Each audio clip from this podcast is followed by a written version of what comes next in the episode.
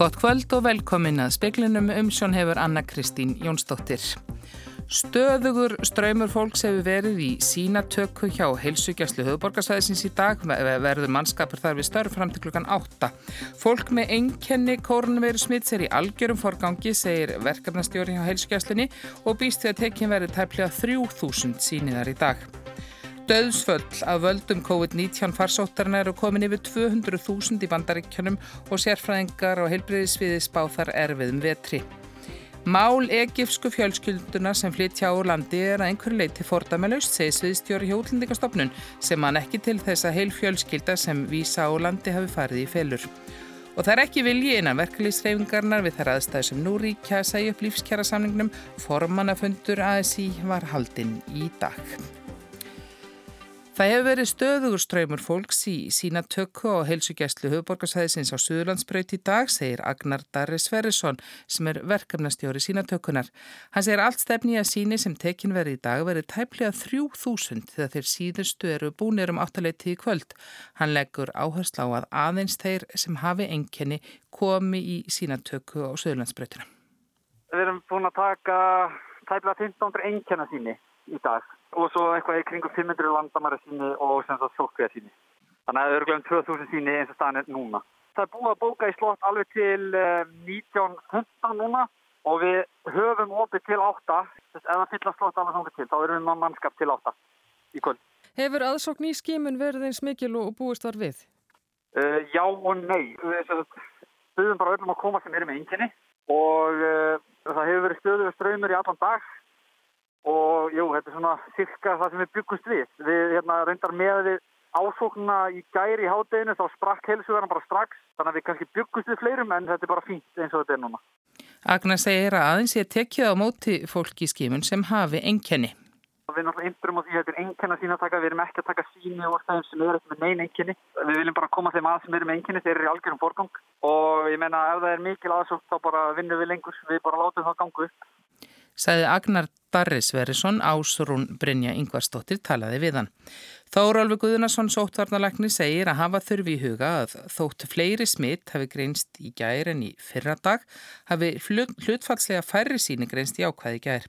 Þó svo að smittum fari fækandi hlutfallslega telur en að það geti tekið þó nokkuð tíma að ná tökum á þeirri bylgjusmitta sem nú stendur yfir, margir séu sóttkví og líklegt að einhverjir þeirra greinist í ákvæðir. Þórólfi segir ekki sé ástæði til þess að herða aðgerðir nú. 170 akunesingar sem þurft að fara í sótkví eftir að smittaður einstaklingu komi í líkamsræktarstöðu á Akranesi þurft að fara til Reykjavíkur í skimun. Ekki var hægt að skima fólkið á Akranesi. Allir sem sóttu líkamsræktin á jæðarspökkum á Akranesi á þriðju dag í síðustu viku þurft að fara í sótkví eftir að uppkomst að yfkandi verð með COVID-19. Í dag fyrir þessi hópur í skimun til Reykjavíkur en fólkinu býðst ekki að fara í skimun á heilsugjastlinu á Akranesi. Jóhanna Fjóla Jóhannesdóttir, forstjóri Hilbriðstofnunar Vesturland, segir leitt að svo stór hópur hafi þurft að keira söður til að fara í skimun. Einungis þeir sem séu með einkenni geti farið í sínatöku á Akranesi. Bóðun í sínatöku best beint frá smitrækningateimi án aðkomu Hilbriðstofnana. Að það eru valdar helsukesslistjóðar um landið sem eru að taka þessi síni sem þegar um er að ræða svona sótt kvíarskimun eins og er í þessu tilfelli það sem eru verið að skima enginalösa Einkennalausir geta einungis farið í próf á sex stöðum á landsbyðinni. Það eru Ísafjörður, Borgarnes, Akureyri, Egilstaðir, Höfn og Selfoss. Áður var hægt að fara í skimun í stikkisólmi en því var svo hægt. Jóhanna segir til umræðu að bæta úr þessu. Það er reyndar verið að ræða að taka þetta upp á fleiri stöðum og það er í skoðun. Hérna, en það er allavega ekki komið ennþá. Hvort að það veru komið fyrir næstu helgi, ég veit það ekki en það er það er hafið samtal um það. 11 eru nú í einangrun á Vesturlandi og fjölgar um 6 á milli daga. 196 eru í sóttkví og fækkar um 6. Elsa Maria Guðlug Strífudóttir saði frá og talaði við Jóhannu Fjólu Jóhannesdóttur. Fjöldi látina af völdum COVID-19 fór í dag yfir 200.000 í bandaríkjónum. Hvergi í heiminum hafa fleiri látist úr COVID-19. Sérfræðingar og helbreyðisviði spá erfiðum vetri. Sérfræðingar Johns Hopkins háskólans í Maryland sem halda utanum upplýsingar um þróun heimsfaraldur sinns frá degi til dags greindu frá þessu í dag. Þeir skýrðu jáfnframt frá því að staðfesta veiru smitt í landinu væru orðin 6.860.000. Döðsfull af völdum COVID-19 eru flest í bandaríkjónum. Þar á eftir koma Brasilia með rúmlega 137.000 og Indland með tæplega 89.000. 4% jarðarbúa búa í bandaríkjónum, þar eru 20% döðsfalla í heiminum af völdum COVID-19.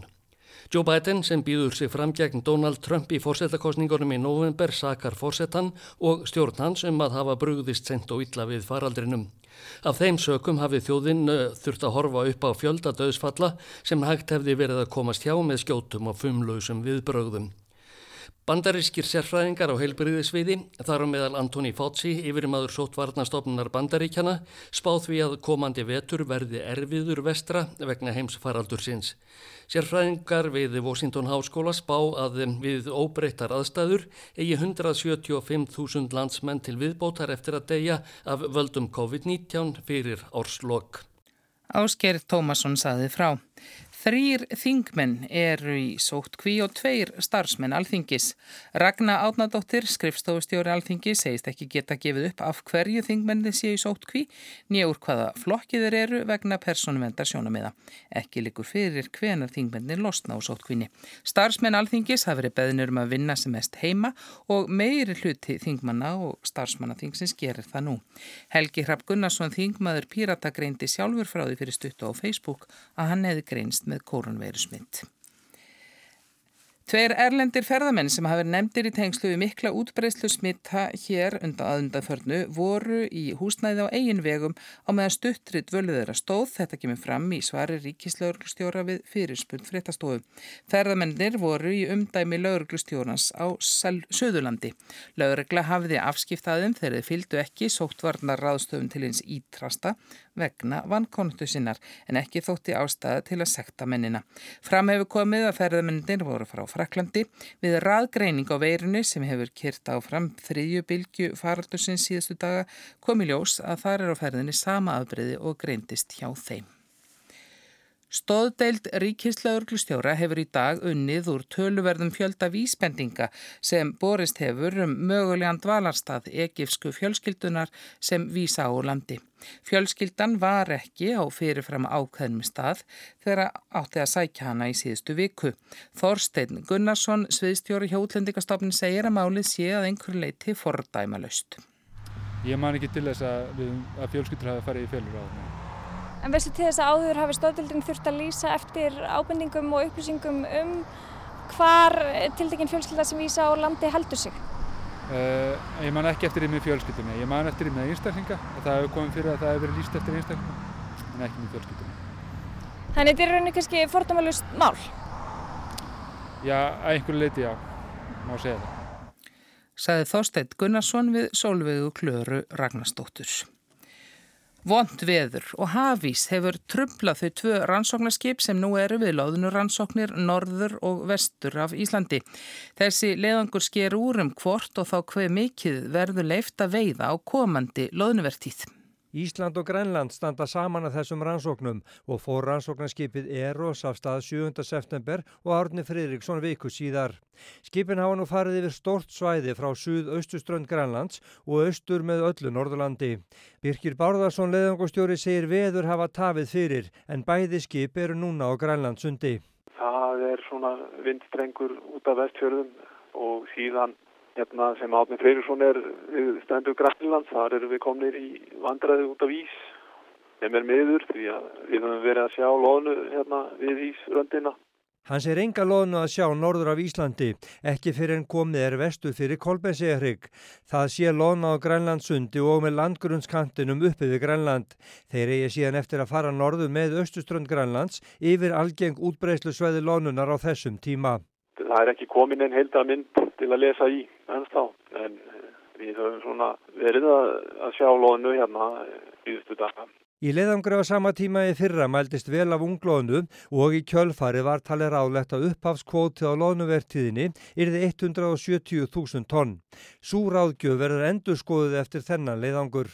Það getur margt gert í tíðinni frá síðustu mælingu til nú. Sagði Birkir Bárðarsson, Ágúst Ólafsson talaði við hann. Og hvenna landslið Íslands í fótbolta mæti nú svíjum í toppslag F-riðils í undankeppni EM 2022 á lögadalsvelli. Leikurinn hófst klukkan 6 og honum líst beint á rás 2. Staðan var 0-0 þegar um 10 mínútur voru liðnar.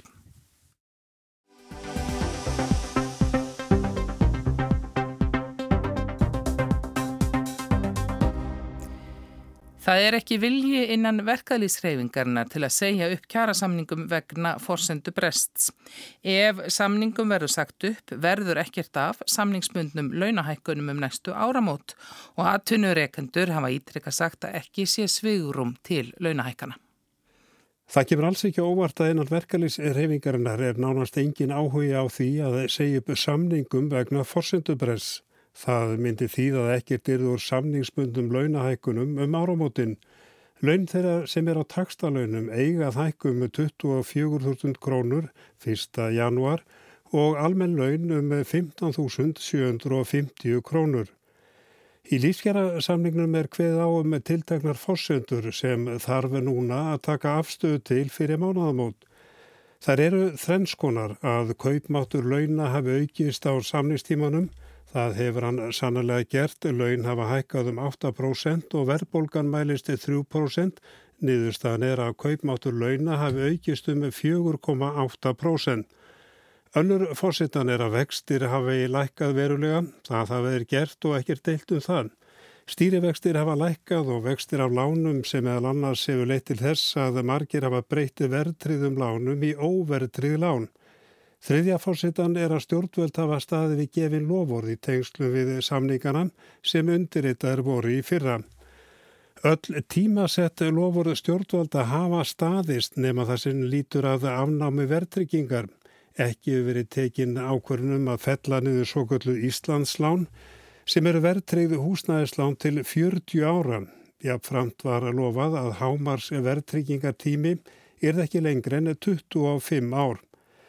Þetta hefur ekki verið gert. Bæði Vilhelmur Birgisson formaði verkaðlýsfélags Akranes og Ragnar Þór Ingólfsson formaði Vaffer sóttu það fast að þetta lofur yrði í pakka eða lofur að pakka ríkistjórnarinnar.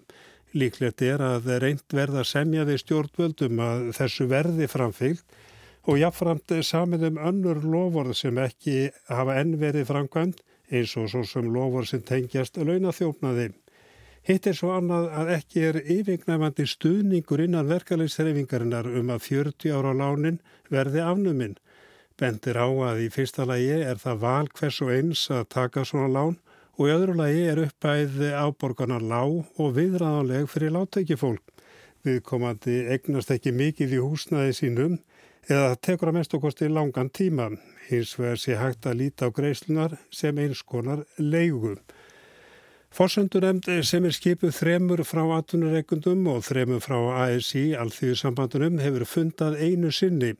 Þar voru menn sammálum að fyrstu tvö forsöndu ákvæðin hefðu staðist. Nemndin kemur saman aftur á morgun. Á fyrsta fundunum komu atvinnureikundur því á framfærið að ekki væri svigurum fyrir launahækkanir um áramótin. Þegar að laun hækkuðu 1. april lagði SA fram til lúum að mótframla þeirra í lífeyrisjóð yrði lækka tímabundi til að vega upp á móti hækkun launan. Viljámi Byrkisson og Ragnar Þór Ingvarsson lögðu fram tillugu um að mótframlaði yrði lækkað um 3,5% stig að það lækkaði tímabundið úr 15 í 12%. Ekki var hljómgrunnu fyrir þessari leið innan ASI sem leiti til þess að Vilhjálmur sagði af sér sem var að fórsita ASI og Ragnar Þór Ingvarsson fór um miðstjórna ASI. Eftir því sem næstu veru komist hafa þessar hugmyndir ekki verið viðræðar núna þegar að nýlaunahækkun nálgast. Atunreikundur hafa hins vegar skilmerkilega komið því á framfari að ekki sé svigrún til að hækka laun um áramótin. Atunreikundur hafa gert verkari skóðustunni skilmerkilega grein fyrir því að ekki sé innistæða fyrir launahækkunum um þessa myndir. Saði Árni Sigurjónsson formaður samtaka innarins í morgunútvarpir ás og tvö í morgun. Það er vantsið hvernig atvinnreikendur geta eða gætu komist hjá því að greiða launahækkanar um næstu áramót. Þegar laun hækkuðu 1. apríl á þessu ári var svo hækkun metin á um fjóra miljardar króna á mánuði. Búast má við að hækkunin um áramótinni sé svipuð eða herri í miljörðum talið. Þeir gætu vissulega sagt upp samningum á grundvelli þess að stjórnveld hafi ekki stað við niðurfellingu 40 ára lánuna. Sankvæmt heimildum speilsins kom það skýrt fram á formannafundi ASI í dag að ef SA segð upp samningum yrðu vopninni tekinn fram og allt yrði vittlust eins og eitt viðmælandi orðaða. Atunurreikundur gera sig grein fyrir þessu og því spurning hvort eru til í að taka þann slag. Einni gætu er dusta ríkið af tilvonum sem laða voru fram í vor um að fresta greiðslum að hluta af mótframlagi þeirra í lífyrirsjóði. Eins og fyrr segir var ekki almennur hljómgrunur fyrir þeim innan alþjóðsambansins. Hins að voru nokkur félug samþygg því að þessi leiðiði farin meðal annars var ferr. Fórsundurnemdini kemur saman á morgun og fyrir leggur að hún skeri úr um hvort að hafi orðið fórsundubrestur. Hún hefur þegar lagt blessu sína yfir hækkunu kaupmáttara og lækkun vaksta. Eftir stendur að leggja mat á lovorðalista ríkistjórnarinnar. Ekki ljóst hvort nefndinni kemst að niðurstu á morgun eða fymtudag. Ef niðurstaðan er að það hafi orðið fórsundubrestur verða samninganemndir kallaðar saman til að ræða viðbröð og reyna að semjum úr laust. Náist ekki samkóla verður sá aðili sem vill ekki að samningurinn haldi að tilkynna það. Það þarf að gera fyrir klukkan fjögur 30. september eða á miðugudaginn í næstu viku. Þá fellur samningun úr gildi 1. oktober eða nánartiltekið daginn eftir. Arna Páll Haugsson saði frá.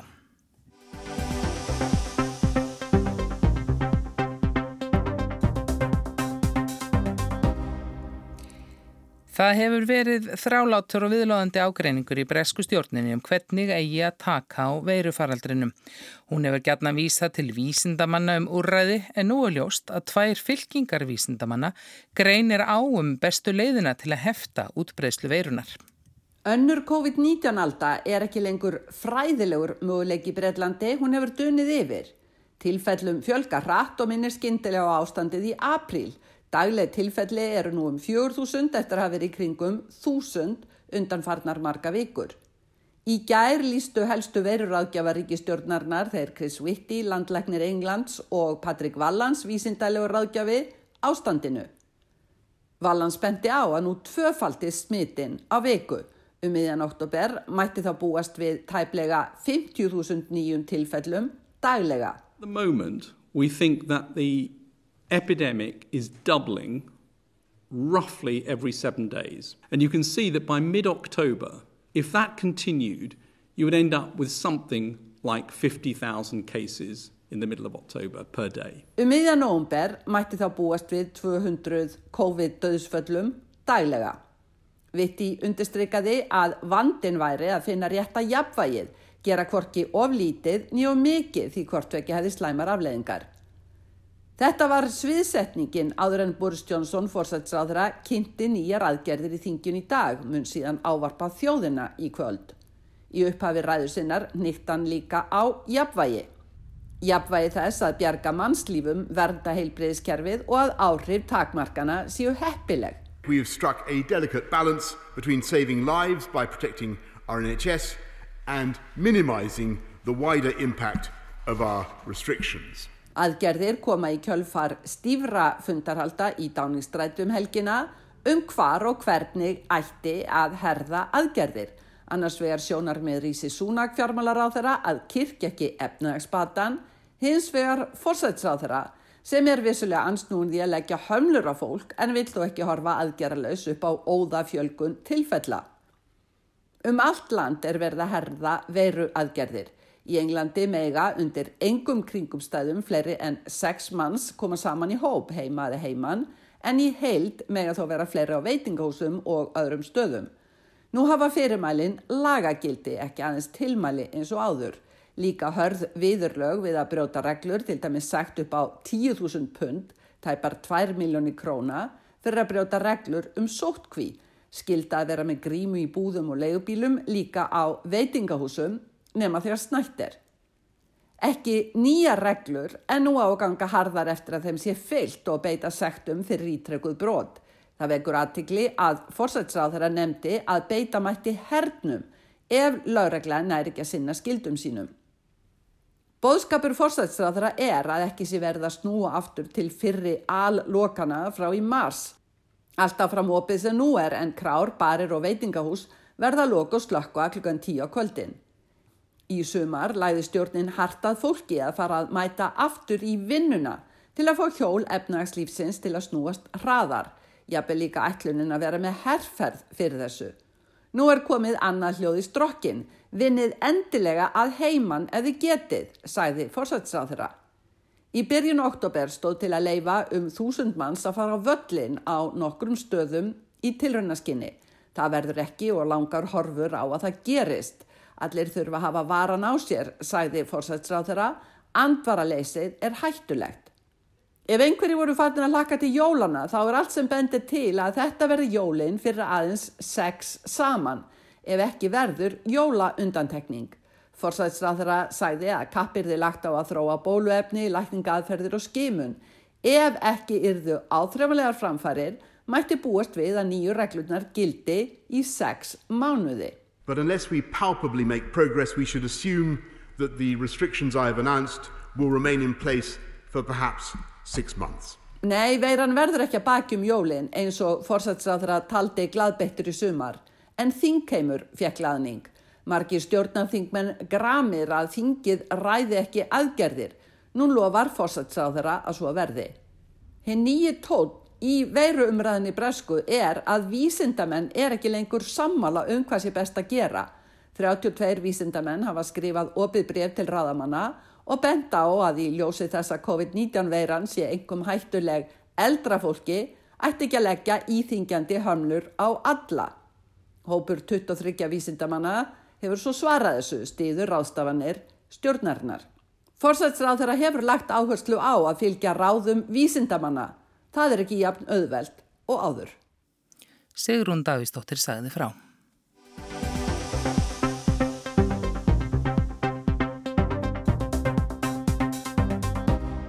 Það er mörgu ábúta vant í skjálavörslu hjá því ofinbera og það er alvarlegt að rafræn skjálavarsla sé ekki tekinu alvarlega. Dómstólar, lögurglembætti og heilbyrðinstofnarnir standa ítla því að mæta lögum og reglum um vörslu og stjórn skjala og þjóðskjálasafnið hefur ekki fengið til varðislunum að brot af þeim gögnum sem eru í rafrænum gagnankerfum ríkisins.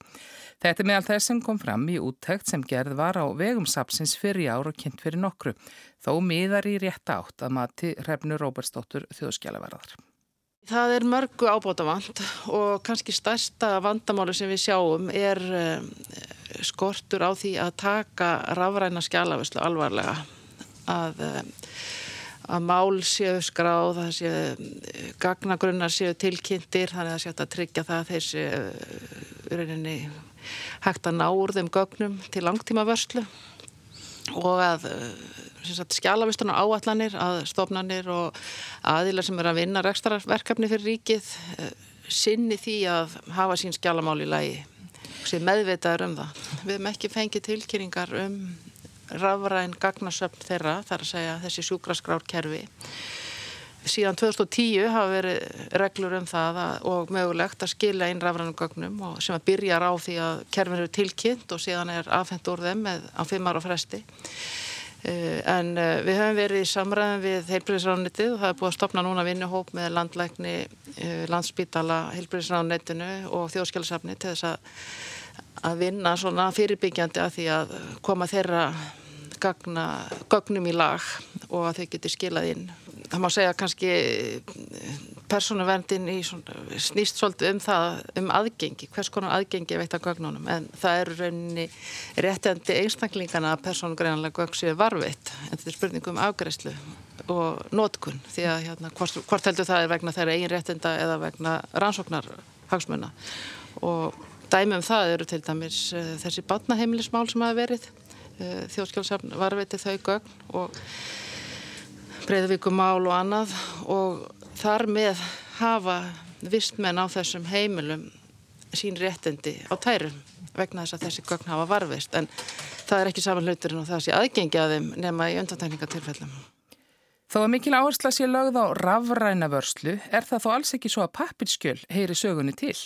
og það er mjög mikill pappir á þjóðskjálasafni, við erum með um 45 hillu kílometra af gögnum Uh, og það eru um það bil, já það eru 20 kílometra af gögnum sem eru úti standandi hjá ofnbjörnum aðilum sem að er annarkvort eiga að vera komin inn til okkar eða er á leiðinni á næstu árum og það er alveg að þetta skiptir mjög miklu máli annars vegar að við höfum gott húsnæði til þess að varvita þetta til lengri tíma og hins vegar að rafræna langtíma varslan komist sem fyrst í gott ár til þess að minka framtíðar pappirsmagn.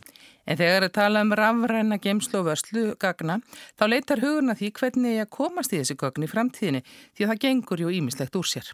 Já, já, forritin verða úreld og þannig að sagt, þessi langtíma varsla gagna, hún snýst um annars er að segja mig svo úr gagnagrunnum að það er þá gögnin eru varveitt, það er ekki verið að varveita kerfin sem eru í núna, heldur verið að varveita gögnin og þau fara á kerfis óháð form inn á ákveðinu rafrænu langtíma vörslu verkstæði sem við höfum. Og síðan er þetta að ná þeim út úr þeim kerfum aftur. Og, eins þá með skjálavörslu kerfi og slíkt að þau fara á ákveðið format sem hægt er að lesa úr þeim aftur óháð þessum hugbúnar aðilum og, og þessi aðferðafræði sem að við notum er eh, byggð á því sem að, að danska þjóðskjálasafni notar. Og það er ákveðin milliríkja samningur millir Íslands og Danmarkur um það þannig að við fylgjumst með þeirra tæknið þróunum og fylgjum, fylgjum þeim sko. þetta er, er svona stórt mál í rauninni allstaðar í heiminum að, að tryggja þessa langtíma vörslu og það er ekki, það er erfitt að gera það svona lítill út í hodni Nýlega hafi verið ábyrrandi fréttir þar sem nokkuð djúft hefur verið á gögnum sambyr fréttir af samherja og verðlastofu skiptavers og af skimun hjá krabbaminsfélaginu. Eh, þegar svona mál koma upp að þá bregðust við við og höfum sambandi við, við, viðkomandi stofnanir og spurjum um útskýringar og aðstofum við að, að koma þeim málum á rétta braut. En þessi dæmi sem er að koma reglulega upp að þau eiginlega eru mjög skýr ámenning um hversu miklu máli það skiptir að vera með skjálavistan áallun og þessa vinnu við gögnin á réttum kili og það eitt af því sem hefur komið fram í þessum eh, eftirlitskönnunum okkar er að, að það er fjölgandi störfum skjálastjóra til dæmis sem við teljum mjög mikilvægt. Að það sé ykkur ákveðin aðili sem að byrja ábyrð á þessari gagnavinslu innan óbyrra aðila og þessara stofnana og annara sem er að vinna rekstarverkefni fyrir ríkið. Því að þar sem að það er að þar er betra ástand og það hefur Við hefum gert þessa kannanir á fjórar og fresti og ég man ekki það var, hvort það var um 60% eh, sem ekki voru með skjálastjóra hérna, fyrir 10-12 árum en það hlutfallin nú komir orðið mjög betra núna. Þannig að þetta er svona þokast áfram? Þetta, þetta þokast áfram og þó að kannski maður vilji gerna sjá að þetta gangi hraðar en það sem er kannski allra brínasta verkefnið sem við lesum út úr þessu er að eh, það þarf að huga rækilega að langtíma vörslu rafrætna gagna. Og það eru svo mörg atriði sem að hanga á þeirri spýtu. Og, og, og kannski ekki, veist, ekki heldur eh, það er ekki verið að tala um að varveita allt. Það er náttúrulega alls ekki því að grísjun og grísjunreglur eru mjög mikilvæga líka því að það er ekki allt sem þarf að varveita að eilifu það þarf að, en eins og það er skjálavistunum áallanir það er þegar þær eru gerðar þá er tekin ákvörðum hvað skiptir mestu máli og, og gögnum haga þannig að sé auðvelt að varveitaði og sortira burt það sem ekki þarf að geima. Sagði Hrefna Róbersdóttir þjóðskjálaverður. Og veðurhorfur á landinu til miðnættis annað kvöld eru þær að það verður ákveðin norð-austanátt, norð-vestan til en annars hægari, skúrir suðu-vestanlands fram á kvöld en skúrir eða jél fyrir norðan en úrkomi lítið annars. Hægar á morgun og bætir í úrkomi við norður ströndin annað kvöld hitti breytist lítið. Hvenna landslið Íslands og Svíþjóðar í fótbolta eigast nú við á lögdarsvellunum í undankeppni fyrir EM 2022 sem haldi verður á Englandi. Leikur nú gæti skipt sköpum hvort Íslendingar eða Svíjar komast beint áfram en staðan er jöfn nú 0-0. Leiknum er líst á Rás 2. Fleiri ekki speklinum í kvöld, tæknum aðri útsendingu var Ragnar Gunnarsson, veriði sæl.